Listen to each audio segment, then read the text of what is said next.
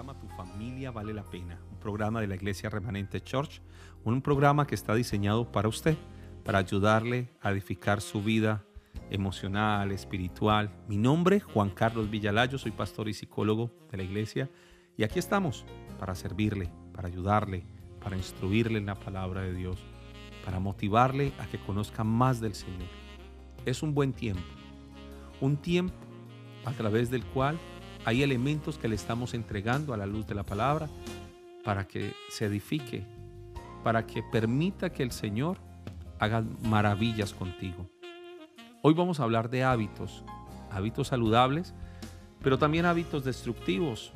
Partamos de los hábitos destructivos. A la luz de la Biblia, un hábito es un yugo, causado por rebeliones, por ataduras, por cosas que han debilitado tus fuerzas. En Lamentaciones 1.14 dice, el yugo de mis rebeliones ha sido atado por su mano. Ataduras han sido echadas sobre mi cerviz, ha debilitado mis fuerzas. Me ha entregado el Señor en manos contra las cuales no podré levantarme. En Isaías 10:27 dice la palabra, acontecerá en aquel tiempo que su carga será quitada de tu hombro y su yugo de tu cerviz, y el yugo se va a podrir a causa de la unción. Eso es lo que Dios quiere hacer contigo. Quiere traer restauración a tu vida. Quiere romper con todo yugo, con toda carga, con todo hábito destructivo que te ha estado destruyendo y te ha estado haciendo mucho daño. Ahora, definamos lo que es un hábito. Un hábito es un patrón de conducta adquirida por la repetición continua que refleja el carácter de la persona. Eso es lo que es un hábito. Entonces, ¿qué hace un hábito en la vida nuestra? El hábito es simplemente la repetición de una conducta adquirida que fue formando por tiempo, por años, por días. Ahora hay hábitos también saludables. En Colosenses 3:17 dice, y todo lo que hacéis, sea de palabra o de hecho, hacedlo todo en el nombre del Señor Jesús, dando gracias a Dios Padre por medio de él. En Génesis 6:5 dice la escritura, y vio Jehová, hablando del hábito, pero del hábito malo, y vio Jehová que la maldad de los hombres era mucha en la tierra y que todo designio del pensamiento del corazón del hombre era de continua hacia el mal. Es decir, así como pueden haber hábitos saludables, hay hábitos malos. Un hábito puede actuar como un corcho o como el plomo. La acción del corcho nos puede impulsar hacia arriba o como el plomo hacia abajo. Ahora, los hábitos están acompañados de inclinaciones. Una inclinación es un deseo natural que nos impulsa, impulsa, a actuar de cierta manera según el conjunto de circunstancias que nos rodean. Allí nos inclinamos a lo bueno o a lo malo. Esto está acompañado de impulsos. Cuando esos impulsos son negativos y no se controlan, se convierten en hábitos destructivos. Algunos llegan a ser adicciones que ponen en peligro la vida de la persona. Algunos de estos hábitos, de estos patrones de conducta, de, esta, de, estos, sí, de estos patrones que se repiten, algunos vienen desde la matriz, dice el Salmo 58.3, se apartaron los impíos desde la matriz, se descarriaron hablando mentira desde que nacieron. En 2 de Timoteo 3:15 dice la escritura, y que desde la niñez has sabido las sagradas escrituras, las cuales te pueden hacer sabio para salvación por la fe que es en Cristo Jesús. Le decía que así como pueden haber hábitos que vienen desde la matriz, también pueden haber enseñanzas que vienen desde la niñez. Ahora, esos impulsos podemos decir que también es una inclinación espontánea, espontánea que te lleva a actuar de forma arrebatada según el conjunto de circunstancias que están pasando. Por eso en Proverbios 30, 32 dice la escritura, si neciamente has procurado enaltecerte o si has pensado hacer mal, pon dedo en tu boca. ¿Por qué? Porque algunos no saben controlar estos impulsos y se le volvió la vida o el estilo de vida que tiene se le volvió un problema.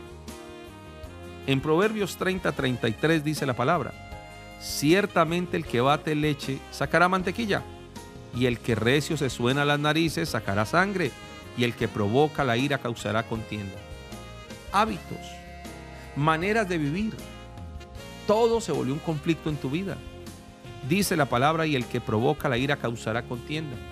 Todo el tiempo está airado. ¿Hace cuánto no te ríes, por Dios? ¿Hace cuánto no expresas felicidad? Aún lo que haces, hazlo con amor. En Proverbios 4:26 dice, examina la senda de tus pies, todos tus caminos sean rectos. No te desvíes a la derecha ni a la izquierda, aparta tu pie del mal. Examina cómo están tus hábitos la manera en que tú estás caminando, la manera en que te estás comportando. Mira, si tu vida es un desorden, todo lo será, todo será desorden. Todo tiene que ver con hábitos. Todo lo que hagas, escúcheme, tiene que ver con hábitos. Desde cómo ora, cómo come, cómo se acuesta, para qué lado duerme, todo tiene que ver con hábitos. Por eso dice la Biblia que revisemos muy bien nuestros hábitos, porque en Proverbios 14, 12 dice, hay camino que al hombre le parece derecho, pero su fin es camino de muerte. Pero él lo ve derecho, pero su fin es camino de, muerte. Esos caminos que al hombre le parecen derechos, pero son caminos de muerte, entre ellos está la adicción, uh, precisamente las adicciones. Porque la adicción o cualquier hábito mal sano pretende llenar un vacío emocional. Y eso es lo que está pasando. Ejemplo, un hábito puede ser mal sano, puede ser malo, pero estás intentando llenar con eso un vacío. Y vas por la vida, de golpe en golpe, de mujer en mujer, de hombre en hombre, vas por la vida consumido intentando llenar un vacío que no has podido llenar. La Biblia dice en Ezequiel 16 de una joven que no pudo llenar el vacío de su padre, de su madre. Y dice la Biblia que un hombre se interesó en ella, en restaurarla, en ayudarla. Pero ella en su vacío, cuando creció, cuando llegó a reinar, dice la escritura que esta mujer lo único que quiso fue huir de ese hombre y caer en manos de muchos hombres intentando llenar un vacío paternal. Señores, algunos de estos vacíos, de esos hábitos, se volvieron una obsesión en la persona. La obsesión es una preocupación persistente y molesta creada desde una idea irracional. Se te volvió algo obsesivo. Una relación puede volverse obsesiva no hay peor adicción que la adicción a otro ser humano. La gente eso lo lleva a hacer locuras. La adicción es una dependencia compulsiva irresistible de un objeto, persona, acción, resultando en serios problemas para la vida. Ahora, ¿qué es lo que estamos buscando con este tema de los hábitos? La idea central es poder destruir el hábito destructivo basado en hábitos que reemplacen el vacío que ese hábito destructivo va a dejar. Puede ser de golpe o poco a poco. Les doy un ejemplo con Efesios 5:18. Dice, no os embriaguéis con vino, en el cual hay disolución, antes bien sean llenos del Espíritu Santo todos, llenos de Él. Y eso es lo que Dios quiere, que nos llenemos de Él. Pero Él dice, yo tengo la capacidad de llenarte para que no tengas que seguir consumiendo licor. No a los niveles que lo estás haciendo. Sido muy desmedido. Dijiste que ibas a tomar por salud y ahora tomas por sinvergüenza. tomas ahora desmedidamente, sin control de nada. Es más, ya ni te importa que la gente te vea en la condición que te está viendo. La idea es que realmente pueda iniciar una transformación en tu vida Efesios 4 del 22 al 32 habla de esa nueva manera de vivir, de crear hábitos potenciadores que satisfagan mejor esa intención que tú tienes, e, ese deseo de llenar ese vacío. Por eso en Romanos 12.2 dice, no os conforméis a este siglo, sino transformados por medio de la renovación de vuestro entendimiento, para que comprobéis cuál sea la buena voluntad de Dios agradable y perfecta. empiece hoy mismo. Miren, nadie lo hará por ti. Solo tú decides a partir de este programa, si quieres hacerlo, iniciar una transformación de tus hábitos destructivos. Algunos batallan con la melancolía, con el egoísmo, con los deseos de morir, con la hipocresía, con la incredulidad. Algunos están arrastrando maldiciones generacionales, ataduras. Algunos están eh, arrastrando enfermedades generacionales. Algunos tienen ataduras en su área sexual o emocional. Otros adicciones. Usted las conoce. Otros han creído en toda práctica eh, de, de ocultismo, de maldad. Y esto ha generado una cantidad de cosas en tu vida de las cuales tal vez no te sientes tan, bien, porque intentaste llenar tus vacíos, los cuales nadie pudo llenar. Por eso Dios invita, y si vas conmigo a Efesios 4, del 22 al 32, encontrarás una invitación del Señor a una nueva vida, a una, una nueva temporada para ti, no solamente temporada, sino realmente una nueva vida en la cual puedes caminar en Él y decirle, Señor, han sido muchos años batallando con los mismos hábitos.